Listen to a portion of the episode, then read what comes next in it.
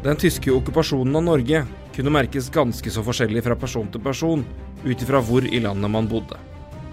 Større byer hadde mer tysk tilstedeværelse, mens de ute på bygdene merket okkupasjonen mindre fra dag til dag. Allikevel fikk alle i Norge kjenne på det, med sensur, kvotering og autoritært styre. Men hvordan merka man det her? Hvordan var hverdagen i Fredrikstad under okkupasjonen? Og hvordan merka man den tyske tilstedeværelsen?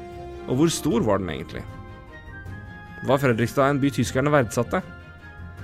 Og som en by med nær beliggenhet til svenskegrensen, hvor mye flyktningtrafikk var det her? Det, og mye mer om Fredrikstad under krigen, skal du få høre om i denne podkasten. Dette er Krigen i Fredrikstad, del to. Flyktningportalen.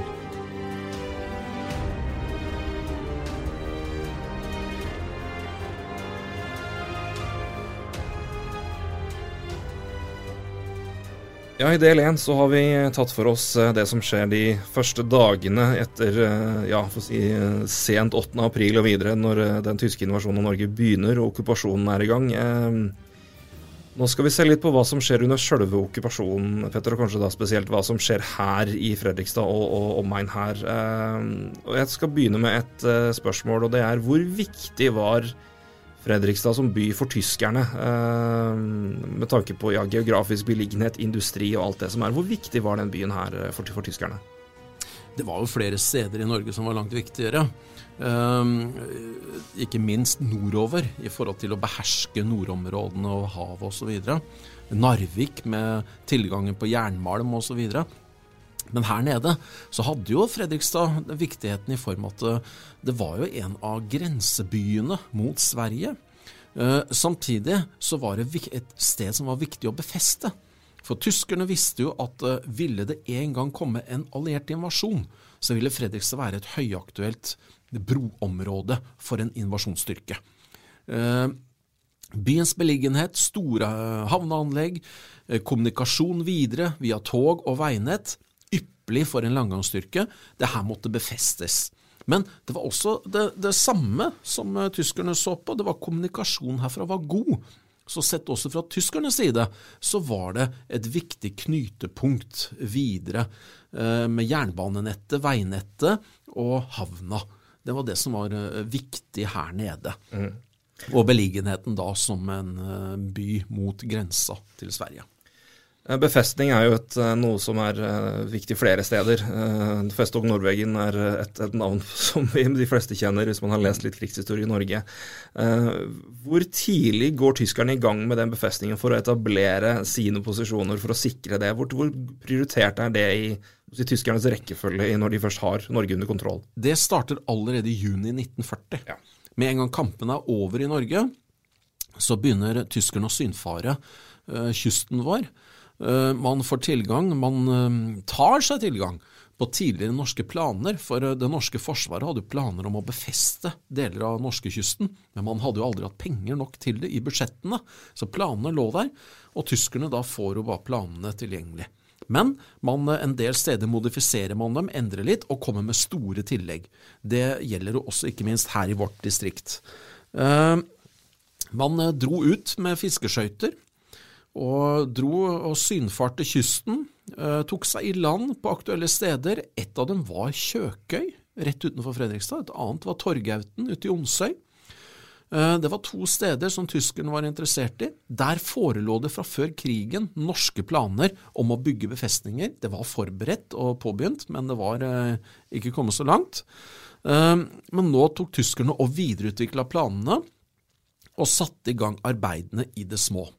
Så skjer det noe når man kommer over til 1941. Da kommer raidene langs norskekysten litt lenger nordover.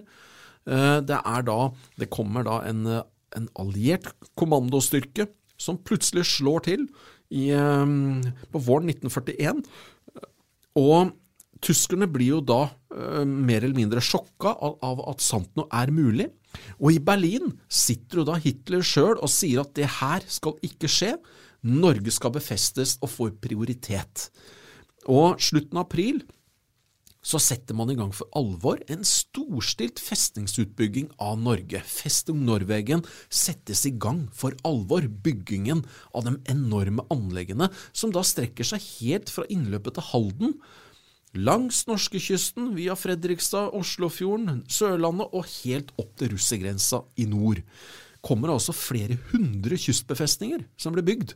I vårt distrikt så er det da fire kystfort. Det er da Mørvika ved Halden.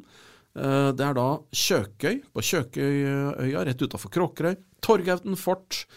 Rauøy fort er jo allerede bygd, men der kommer det store utbygginger under krigen.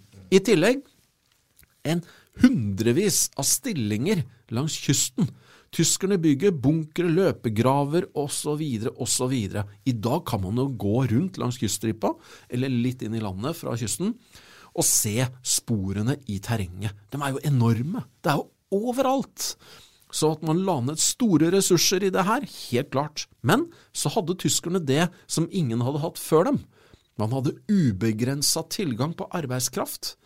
Man eh, ansatte folk på såkalt tyskerarbeid, eller man tvangsutskrev personer til arbeid, eller man benytta krigsfanger til det. Med andre ord så hadde man arbeidskraft så det holder, og så I tillegg så hadde jo tyskerne tilgang på seddelpressen i Norges Bank, og da var det veldig greit. Man hadde ubegrensa tilgang på penger, ubegrensa tilgang på, på arbeidshjelp, og da fikk man realisert det her. I tillegg så har jeg notert i vår pre-pre-prat Vi hadde jo en god gjennomgang før vi for en stund siden. Jeg noterte også at det bygges radarstasjoner rundt omkring. Mm. Det gjør det. Etter hvert så etablerer tyskerne radarstasjoner langs norskekysten, og også her i distriktet. Ute på Hanke og inne på landsida i, um, i Onsøy. Der kommer opp fire radarer. og den fungerer på den måten at ute på Hanke står det to store anlegg Sporene til ett av dem er jo veldig godt synlige den dag i dag. Fantastisk eh, anlegg der ute den dag i dag også. Selv om den tekniske installasjonen er borte, så er jo infrastrukturen i anlegget veldig godt til stede den dag i dag. Men de kunne da, der hadde de da altså radarøyne ut i fjorden, ut i havet, og nesten langt ned mot Danmark. Der kunne tyskerne da se på skjermene sine. Skjermene, samlesentralen, den var inne på landesiden i Omsøy. Der satt samlesentralen. Og når det kom da allierte fly, så gikk signalene videre innover til den såkalte Würzburg-Riese-radarene. Det var to som sto på landjorda i Onsøy. Det var da mer detaljradarer, hvor man da fikk høyder, retninger, kurs osv. osv. Og så satt det da på Fjellbergtoppen i Onsøy, rett uh, altså innafor Vikane. Der hadde, bygde tyskerne en kommunikasjonssentral som hadde kontakt med tyske jagerfly. Der dirigerte man tyske jagerfly. Der og der kommer allierte fly, sett kursen ditt og ditt, du vil treffe dem der og der, osv. Et sof eh, relativt sofistikert system som ble satt i system langs norskekysten. Det her skjedde først litt ut i krigen. Eh, og hovedkvarteret for det her, det bygde tyskerne da bokstavelig talt under Holmenkollanlegget eh, i Oslo. Der bygde man, sprengte man seg ned i fjellet, svære fjellanlegg. Der lå hovedkvarteret for den luftovervåkingstjenesten som tyskerne etablerte langs norskekysten. Det er ganske fascinerende å tenke på at i del én snakker vi om at på, på, på fort er det ikke strøm. Ja. og noen år senere så er det er det på plass et system eh, for å dirigere fly konkret med radar, og der er de, og der det er høyden. Kjør dit. Det er, eh, det er ganske stor teknologisk svingninger på, på, på, kort tid. Det skjedde enormt. Eh, også på Rauøy hadde man radar, men det var ildradarer som var lokale der ute. De overvåka ikke luftrommet, de overvåka sjøområdene. Du var litt inne på det med arbeidskraft, men, vi, eh, men noe jeg tenkte på når vi forberedelsen av det her, eh, med tanke på altså, hvor viktig og, og hva, hva, var, hva, var, verdien til Fredrikstad. Det, det er jo en uh, historisk arbeiderby, industriby. Mm. Um, hvordan ble den uh, utnytta, for å si det sånn, av, av tyskerne under krigen?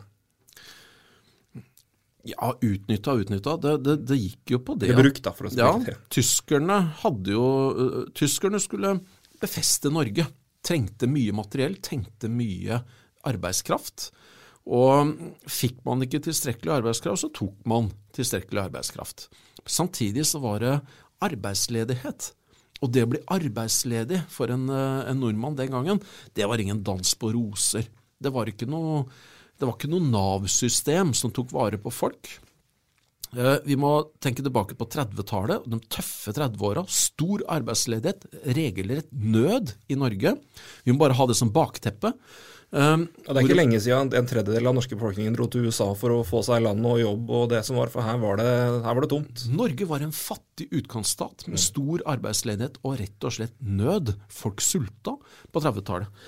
Og da ble det jo satt i gang store såkalt nødsarbeidprosjekter rundt omkring. Folk ble satt til å bygge veier og infrastruktur mot at man fikk da mat til familien osv. Eh, Dette var bare noen få år i forveien. Og når arbeidsledigheten begynte å prege samfunnet under krigen, altså under okkupasjonen, så var det ingen dans på roser. Hvordan brødfø familien sin? Da var veien for veldig mange kort over til å ta seg arbeid i firmaer som drev med såkalt tyskerarbeid. Um, der fikk man også 20% høyere timelønn, og det var jo noe som trakk mange, selvfølgelig. Um, noen uh, utnytta situasjonen, andre var tvunget til det. Uh, her er det mange eh, gråtoner. det er ikke noe svart-hvitt uh, mellom at noen svikta og noen svikta ikke. Eh, mange var i en tvangssituasjon også, mens andre berika seg på det her sånn. Der er det mange fasetter. Det er jo også en, en ja, kaller det en havneby. Det er jo også i hvert fall en, en by hvor det har vært en litt skipsverft og sånne ting. Hvordan brukes det av, eller hvordan, hva skjer med de under krigen? Havneanleggene var jo i bruk av tyskerne. Mm. Skipstrafikken langs norskekysten gikk jo som normalt. Tyskerne overtok jo verftsindustrien her sånn, og gjorde jo den om til militært innretta. Uh, eh, FMV bl.a. på Kråkerøy, Fredrikstad Mekaniske Verksted, ble jo omdanna under tysk kontroll. Så, så, det var relativt stor fart på havna under krigen, i hvert fall i perioder. Eh, I perioder av krigen så var det ikke fullt så stor aktivitet, for da var det altså omstendighetene rundt. Det var jo stadig flyangrep, allierte flyangrep langs kysten som påvirka rutetrafikken ganske stort, og den tyske konvoitrafikken, ikke minst. Eh, så det spilte jo inn. Men eh, virksomheten på havna var i perioder stor. Ikke minst når man begynte å frakte ut av landet, ikke minst ubetydelige ikke ubetydelige mengder med stein, altså granitt, som eh, det er masse av i Østfold, og som ble brutt ut her, og som tyskerne var interessert i, ikke minst til Hitlers store mål om å bygge det nye Berlin, og det storstilte seiersmonumentet i Berlin, som da skulle smykkes ut med stein fra vårt distrikt. Ja, det er, det er noe å tenke på. Um, industrien og beliggenheten og befestningen av kysten er jo én ting, men uh, kanskje vel så viktig er jo geografisk plassering og, og nærhet til grense. Um, mm. For det er ikke noen tvil om at uh, flyktningtrafikk blir et, et, viktig moment under okkupasjonen, og det her blir et, et viktig punkt i det hele tatt. Hva kan du fortelle om det? Ja, Flyktningetrafikken den begynte å uh, oppta seg ganske kraftig et, uh, for hvert år som gikk under okkupasjonen. Allerede i 1940 så begynte folk å ta seg ut av landet, for å komme, og da ville veldig mange over til Storbritannia for å melde seg til tjeneste i de norske styrkene som var under oppbygging der, uh, for da å gå i kamp med tyskerne. Langs vestlandskysten så kom den såkalte Englandsfarten i gang. Det var jo over 3300 nordmenn som dro ut på den måten der, før tyskerne omtrent satte en hermetisk slutt på det, gjennom flyangrep og overvåking langs kyststripa, og ikke minst Gestapos eh, voldsomme tilslag mot eh, transportorganisasjonene langs Vestlandet. Det stoppa jo opp, og da ble blikket snudd østover. Da er det da den langstrakte grensa mot Sverige som ble løsningen for mange. I tillegg så var det mange som rett og slett måtte komme seg ut, ut av landet, pga. fare. De havna i tyskernes uh, søkelys og måtte ut. Og hvordan komme ut av et land som da blir bevokta? For uh, grensa mot Sverige ble jo etter hvert ganske godt patruljert, både av tyskerne og det, det nyopprettede grensepolitiet, som da bevokta alle grenseoverganger, i tillegg til at man hadde streifpatruljer i skogområdene i grensesonene. Så det var ganske Og, og innover fra grensa mot byene, sånn som Halden og andre steder, da var det mye kontroller langs veiene, langs jernbanenettet osv. Men så var det det at en eller annen merkelig eh, grad så eh, lagde tyskerne såkalte grensesoner.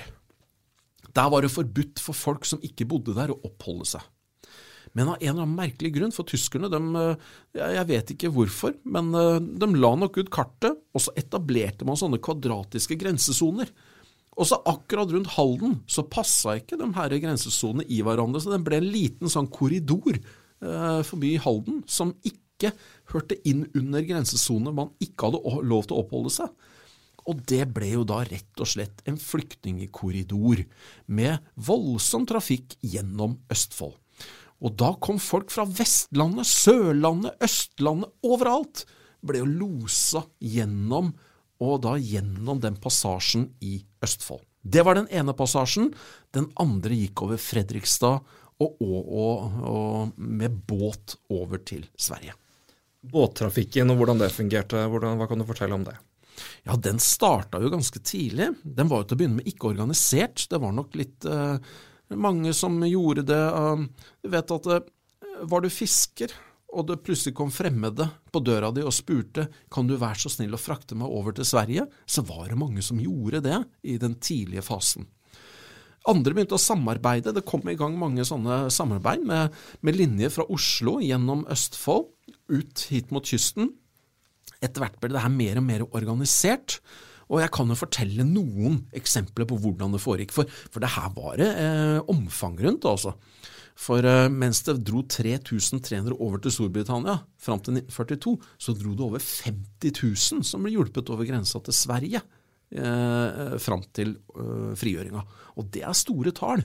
Og det krever etter hvert ganske store såkalte eksportapparater. Det var da de illegale, hemmelige organisasjonene som bygde seg opp eh, gjennom okkupasjonen. Og til slutt så var det eh, de organisasjonene såpass profesjonaliserte at man besto av dekningsleiligheter, egne forsyningstjenester, flyktningeloser, både til lands og til vanns. Og her i Fredrikstad så kom det ganske mange flyktninger. Og den ble da gjemt bort her i distriktet. Jeg kan bare fortelle åssen det fungerte på Kråkerøy. Jeg har jo mine egne besteforeldre som opplevde det her. Eh, min bestefar var jo tilknytta Milorg og flyktningapparatet der. Og når det kom da folk Han, eh, holdt, han var fiskehandler på torvet her nede. Når det da kom folk, han eh, var da ett ledd i den kjeden, tok dem med seg hjem på Kråkerøy, hvor de overnatta da i familiens stue. Eh, og lå der og venta i noen dager fram til det var båttrafikken videre var klarert. Så ble den da frakta gjennom skogen på Kråkerøy ut til kysten, enten ved Enhus, Bjørnevågen eller fra Nøkkeldypet på Kråkerøy for den saks skyld også. Der lå neste og venta, og det var da øh, losene som skulle ta dem da videre med små snekker over til Sverige. Det var da siste fase i en lang, lang sånn fluktrute som ofte hadde starta i Kristiansand, for den saks skyld.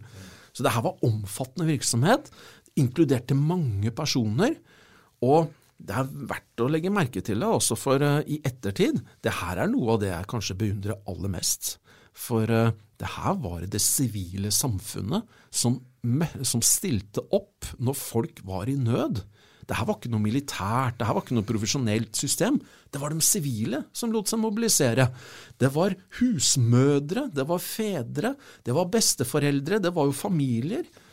Eh, domkirken i Fredrikstad, for eksempel, i kjelleren der sånn, der gjemte man jo flyktninger i perioder. Og der fikk bl.a. flyktninger som måtte ligge der og vente i to-tre døgn, de måtte jo ha mat. Hvem var det som kom med maten? Jo, det var jo guttunger som kom med matforsyninger. Um, for den vakte jo ikke oppsikt. Kom det en voksen bærende med mat der, så kunne jo det vekke oppsikt. Men når det kom en 12-13-14-åring gående med et spann med mat, så var det ingen som lot seg merke av det. Og på den måten så fikk man mat mens man lå i dekning der. Og, og når da alt var klart, så kom det en annen ungdom og losa dem over til Kråkerøy og til Nøkledypet, hvor det lå en båt ledig. Og båtene det var små snekker, ofte brukt av registrerte fiskere, som skulle ut og fiske. Men de hadde jo med seg da en annen last eh, enn eh, garn og, og fangstmateriell. Og så eh, lå man da og venta av tyskernes bevegelser, for det var jo vaktfartøyer, det her var jo ikke farefritt.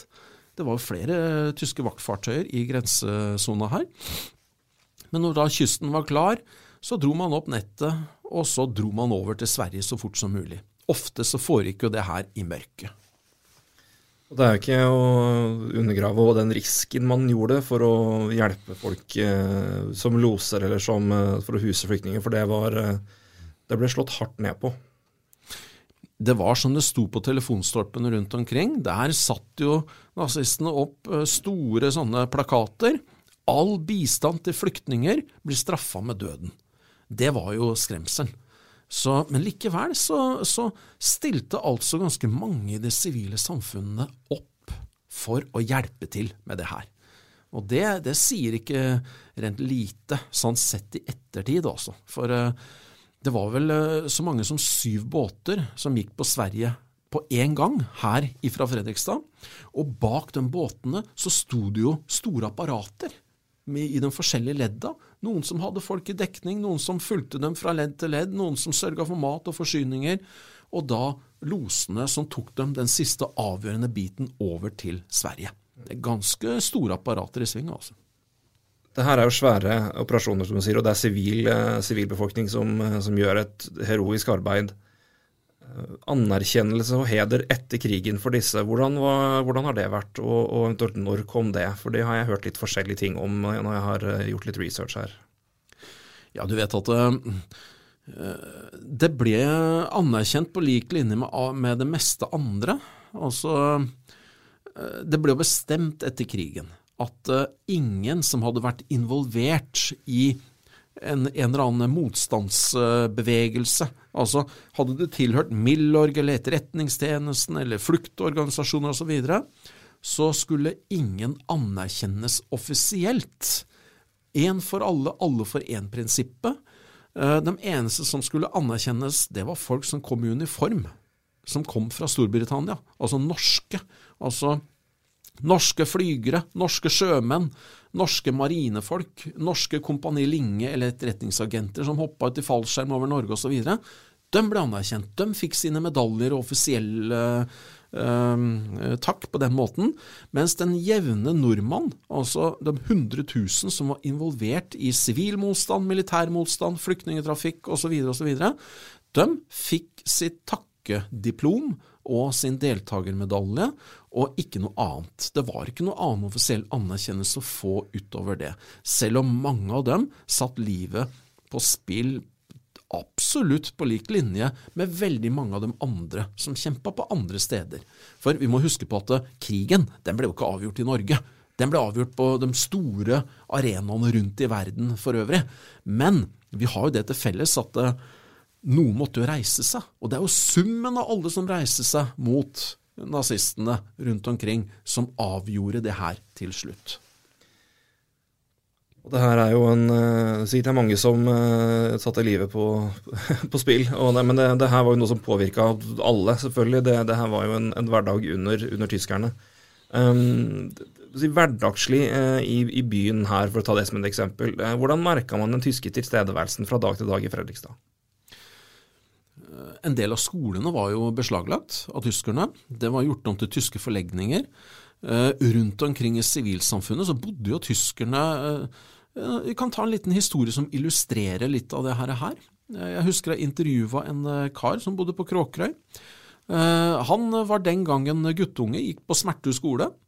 Og når han dro hjemmefra om morgenen og skulle på skolen som vanlig, og kom hjem på ettermiddagen, så sto det en tysk vakt med gevær utafor husdøra deres, så han skjønte jo ingenting. Så viste det seg at tyskerne hadde kommet på morgenen og okkupert huset deres, beslaglagt huset. Og Årsaken var rett og slett man trengte forlegning, og tyskerne tok første etasje, og familien fikk beholde et par rom i andre etasje.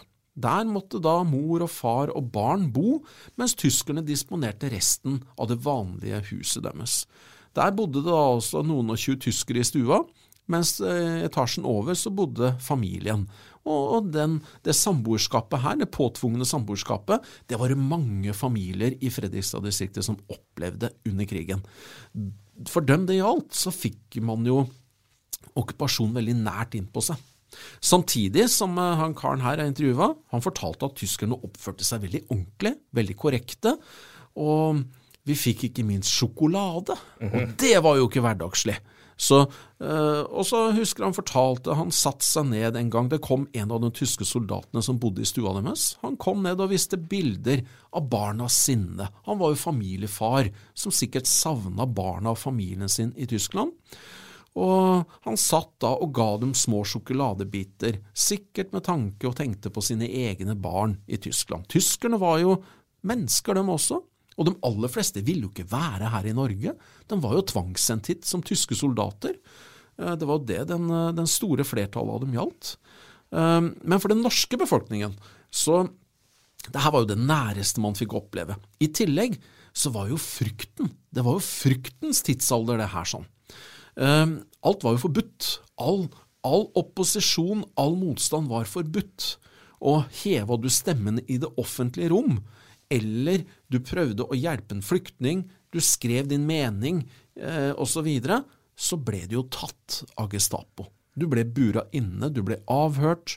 Var du mistenkt for mer, så ble du torturert og i mange tilfeller så forsvant du for resten av krigen, satt inn på Grini, eller enda verre, frakta til konsentrasjonsleirer på kontinentet. Så det var jo et sånt fryktsamfunn som råda, hvor folk egentlig ikke visste hva morgendagen brakte. Man var jo på vent, på vent og på vent. Mm. Autoritær er vel et ord som ofte dukker opp når man skal snakke om uh, si, tyske styresett og, og, hvordan man ordna det. det det, en måte det foregikk på, var jo at det var jo tyskervennlige som ble satt inn i viktige posisjoner og stillinger. Hvordan, hva kan du fortelle om det? Allerede tidlig på høsten 1940 så kom jo eh, tysk, eh, Hitlers mann i Norge, Josef Terboven, som eh, var Reichkommissar. Han kom jo med talen sin i september, hvor han sa at eh, fra i dag av så er alle politiske partier forbudt. Det gis kun én vei, og den er over nasjonal samling altså nazipartiet Nasjonal Samling. Uh, og der er, Det er litt av innledningen på et svar til spørsmålet ditt. For hvem var det tyskerne satt inn i lokalsamfunnene? Uh, Nasjonal Samling ble jo et statsbærende parti. Fore, foretok jo kupp for åpen mikrofon allerede 9. april. Uh, tett samarbeid med tyskerne, og rundt i lokalsamfunnene så ble jo det som en gang var et demokratisk samfunn, det ble jo erstatta med et diktatur. Menneskerettigheter ble jo erstatta med menneskeforakt satt i system, hvor enkeltmennesket ikke hadde noen rettigheter lenger. Borte var alle verdier og fri, om frihet osv., og, og valgfrihet og ytringsfrihet. Det var borte. Uh, og det var erstatta med at du gjør som jeg sier. Ferdig med det. Og tyskerne satt jo inn sine norske lakeier altså Nasjonal Samlings uh, medlemmer, ble jo plassert da i nøkkelposisjoner ordførere som eh, ble jo avsatt, og så satte man inn nazistiske ordførere.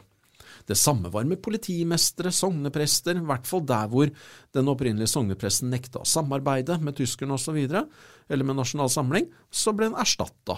Og man så ikke alltid på det formelle så veldig nøye. Hvis du hadde lyst til å bli sogneprest, så kunne du bli det, uten at du nødvendigvis hadde den tilstrekkelige teologiske utdanningen, f.eks. Så var man, var man, veldig pragmatiske med tilnærmingen da, til veldig mange løsninger av, av sånne spørsmål som det. Men nøkkelpersoner, personell i samfunnet, nøkkelroller, ble da etter hvert og over tid eh, besatt av personer, eh, kall det da med den rette tro, politiske troen, da. Uh, på den måten så styrte man jo store deler av sivilsamfunnet også. Eller det er kanskje mer riktig sagt, man forsøkte ja. å styre det. En måte man gjorde det på Vi sitter jo nå i eh, Fredrikstad Blad sine lokaler, og eh, her òg var det jo en, en, et eksempel på det, og som det var i alle aviser, mm. hvor, hvor, hvor tyskerne var, rett og slett. Ja, avisene, media den gangen, media besto av aviser og en radiokanal, NRK, Norsk Riksinnkasting. Det var jo ikke noen andre medier den gangen. Avisene de ble jo tatt kontroll over og sensurert. Man fikk ikke lov til å skrive hva man ville lenger. Og var det budskap i avisene som eh, vek fra den offisielle holdningen til tyskerne eller til Nasjonal Samling, så ble det stoppa, og gjentok det seg, så ble journalisten satt inn, rett og slett. Det var jo sånn kontrollsamfunn. Og alt som sto på trykk, det var nazivennlig. Alt som kunne minne om opposisjon, det var borte. Og det foranlediga jo den såkalte illegale pressen som uh, vokste fram rundt omkring i folkedypet. Det ble etablert masse aviser rundt i Norge, ikke minst her i Fredrikstad. Blant annet av tidligere journalister tilknytta byens aviser, enkelte av dem, mens andre da kom til. Og de illegale avisene, det var jo da alternative nyhetskilder. Der satt man og skrev ned historier fra okkupasjonshverdagen, eh, vi tar da utgangspunkt i Fredrikstad, om hva som rørte seg rundt i Fredrikstad-samfunnet, kombinert med nyheter fra BBC eh, radio, med den norske sendinga der. Der fikk man informasjon. Så skrev man det inn, og så, i dypeste hemmelighet, så ble da de illegale avisene mangfoldiggjort og spredt rundt i lokalmiljøene som et alternativ til den nazikontrollerte pressen. Og Her i byen så er det da sterke viljer som uh, står fram, eller som i hvert fall huskes i etterkant. Det er en av dem, en, en av dem og, og den, eh, den, var markant. Um, det som er spesielt der, er jo bl.a. at en av byens kommende pressenestorer han var jo en av dem eh, sterkt aktuelle der. Demokratens eh, senere mangeårige redaktør Charlie Hansson var jo med på den. Um, men det var én. Det var jo Nabbetorp-miljøet det, uh, som fikk fram den. Og det er en sånn ganske typisk eksempel. Man begynte å trykke opp aviser, og man fikk et ganske stort opplag også. Og det her foregikk jo da rundt omkring, men samtidig, det var jo livsfarlig.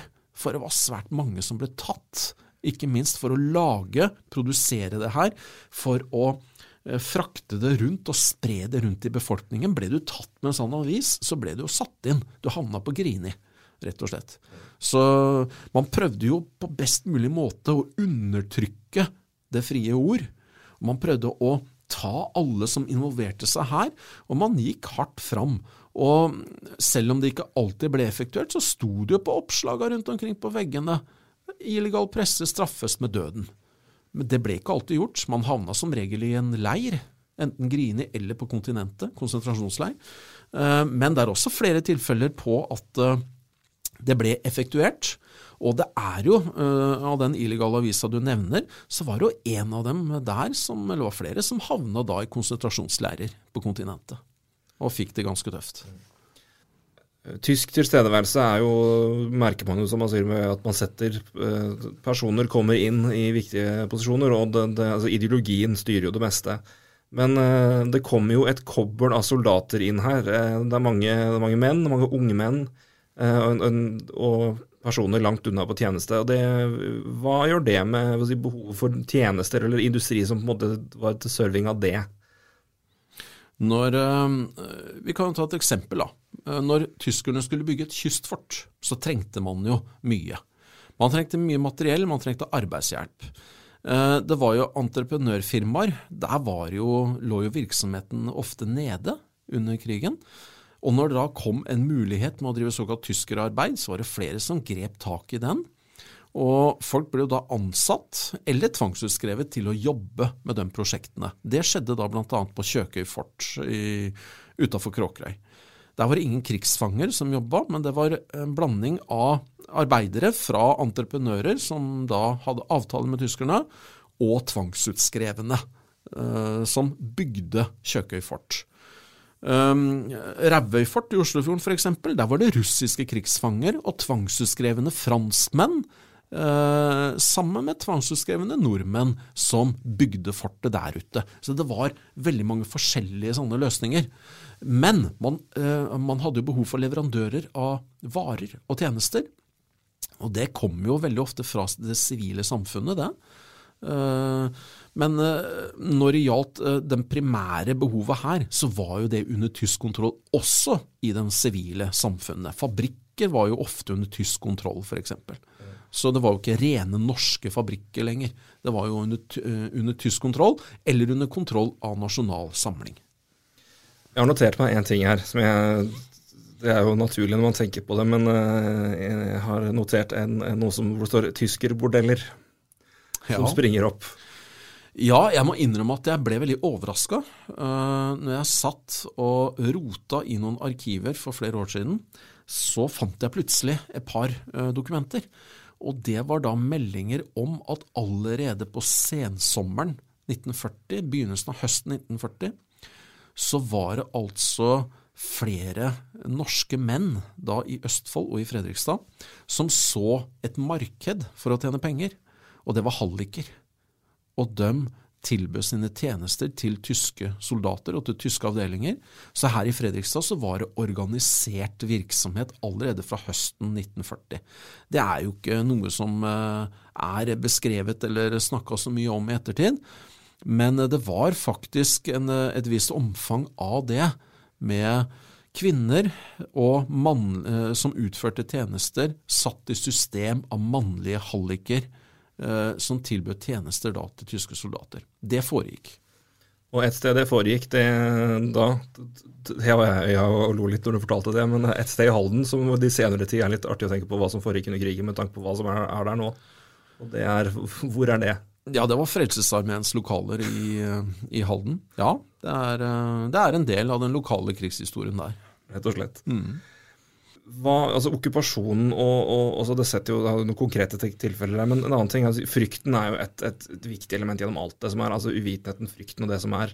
Eh, også og hva man, hva man, kan fortelle og hva man kan dele med naboen, rett og slett. For man, det er jo et punkt hvor man, man vet ikke hvem, hvem, er på hvilken side. Hvordan påvirker det hverdagen? Man, rundt i lokalsamfunnene så hadde man veldig god oversikt over hvem som var eh, såkalt jøssing altså en god nordmann, som man sa den gangen, og hvem som var på den stripete siden. Det var altså som hadde sympatier med Nasjonal Samling og tyskerne. De var jo mindretall. Må huske på at de fikk jo aldri mer enn eh, før krigen hadde de jo knapt en prosents oppslutning. Og i løpet av krigen så kom de jo aldri opp i mer enn et par-tre prosents oppslutning i befolkningen. Så man hadde jo aldri en stor oppslutning. Men rundt i lokalsamfunnene så fantes det alltid en nazist her eller der. Og det visste man i lokalsamfunnet, men kom man utenifra, så visste man jo ikke det alltid. Det var derfor det var så viktig, eh, bl.a. i forbindelse med flyktningtrafikk, at det var folk med lokal oversikt som eh, drev og organiserte det i de lokale områdene rundt omkring i landet, og ikke minst her i Fredrikstad. Okkupasjonen er noe som eh, Vi snakker mye om sånn selvfølgelig, men det er i Norge. Men det, er jo ikke kun her tyskerne okkuperer under krigen. Det er Danmark, det er Nederland, det er nord i Frankrike og andre steder. Men hvordan, eh, for å si det på den måten her, skiller Norge seg ut noe fra de landene om hvordan okkupasjonen foregikk?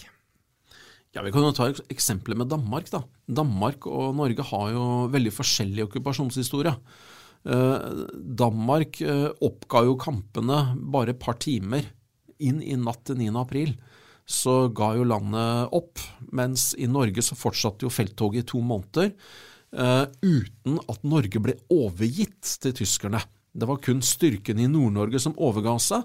Og, og, det er jo, det har også vært en debatt i mange år etter krigen, det, om hvorvidt man overga landet eller ikke. Eh, det er jo nok egentlig bare å lese hva Vidkun Quisling eh, skriver, det. Han har jo etterlatt seg mange kilder. Og en riktig torn i hans øyne, det er jo rett og slett det faktum at han ønska at krigen mot mellom Norge og tyskerne kunne bli avslutta formelt, for det var han ikke, sett med Quislings øyne. Og det var han heller ikke sett med den tyske overkommandoens eh, øyne. Så det var en reell situasjon og den eh, åpenbarte seg og viste seg jo da i form av krigshandlinger etter hvert med nordmenn i, ute da på, på havet, i lufta osv., og, og med folk som da kom på operasjoner til Norge, ikke minst med motstandsbevegelse osv., og, så og kanskje gjennom det absolutt viktigste bidraget sett med norske øyne, norske krigsseilere ute på havet.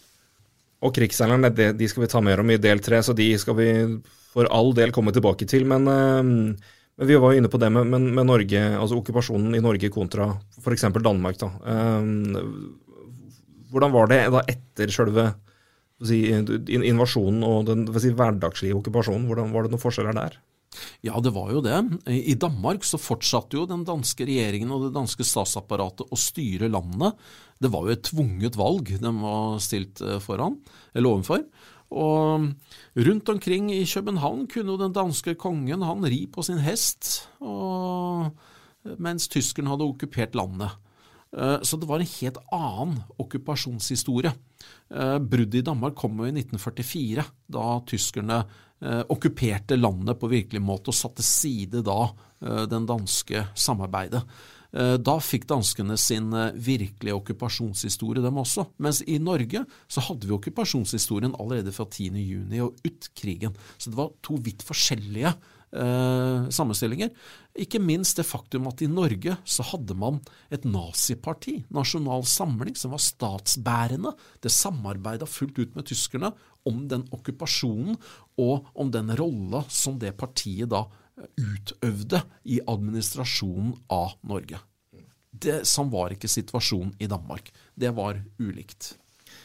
Vi kan jo si at det er jo en, er jo en okkupasjon som også endra litt karakter utover eh, krigen, og også som kanskje i, i, takt med krigen, får vi si. For det, er jo, det, det trappes litt opp av uh, gjennom noen punkter her, og et viktig element er jo når tyskerne bestemmer seg for å gå inn i Sovjetunionen. Så vil jo det merkes her også.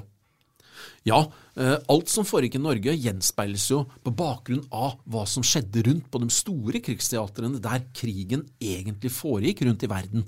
På østfronten, etter hvert på vestfronten, eh, rundt på verdenshavene, i luftrommet, over både Europa og andre steder. Eh, hendelsene påvirka jo det som hvordan hverdagen var i Norge. Og i juni 1941 så gikk tyskerne inn i Sovjetunionen. Før sankthans 1941 så hadde jo Tyskland og Sovjetunionen en såkalt ikke-angrepspakt. De samarbeida jo. Um, og Dermed så var det rolig der. Men da tyskerne forberedte å gå inn, så ville man ha ryggen fri i Norge for all motstand. Tyskerne irriterte seg over stadig norsk motstand, og man ønska man ønska å kvitte seg med det, og det gjorde man. Man stramma til grepet da i forkant av den tyske invasjonen av eh, Sovjetunionen, operasjon Barbarossa, med å gå hardt ut og kvele all tenkelig opposisjon og motstand i Norge. Da stramma man grepet ganske kraftig. Det resulterte ikke minst i ganske mange arrestasjoner og opprullinger av illegale miljøer, men det gikk også utover alle som bare ytra seg på en eller annen måte rundt omkring i samfunnet, eller som man mistenkte hadde en eller annen eh, divergerende mening med det styrende system. Så øh, klima, det, det kjølna og det harna til betydelig fra da. Og så gikk det da gradvis videre. Utpå høsten så kom det jo forordningene som krevde dødsstraff for alle tenkelige former for motstand, f.eks. Og, og så kom man jo utover 1941, og ikke minst i 1942, som var jo kanskje det tøffeste året i Norge, med voldsomme opprullinger av motstands- og flyktningevirksomhet rundt omkring, både i Trøndelag, Sørlandet, Vestlandet og ikke minst her på Østlandet. Det skjedde jo voldsomme hendelser som fikk store konsekvenser mange tusen ble tatt. Vi vet at Når vi ser tallene etter krigen, så er jo, det, det vitner om at det skjedde noe her under okkupasjonen. Altså 10 000 nordmenn blir jo drept. 40 000 blir arrestert og satt i leirer. Over 50 000 må rømme landet. Det er, altså, det er jo, det her er jo vitnesbyrd om at det skjer noe i det okkuperte Norge som fraviker fra normalen. Det er fryktsamfunnet som virkelig eh, bærer preg. Og det bærer oss inn i det vi skal snakke om i del tre, hvor vi skal se mer på motstandskampen gjennom, gjennom krigen. Vi skal se på krigsærene, og vi skal også ta for oss hva som skjer når uh, krigen også får sin ende. Du har akkurat hørt en podkast fra Fredrikstad Blad.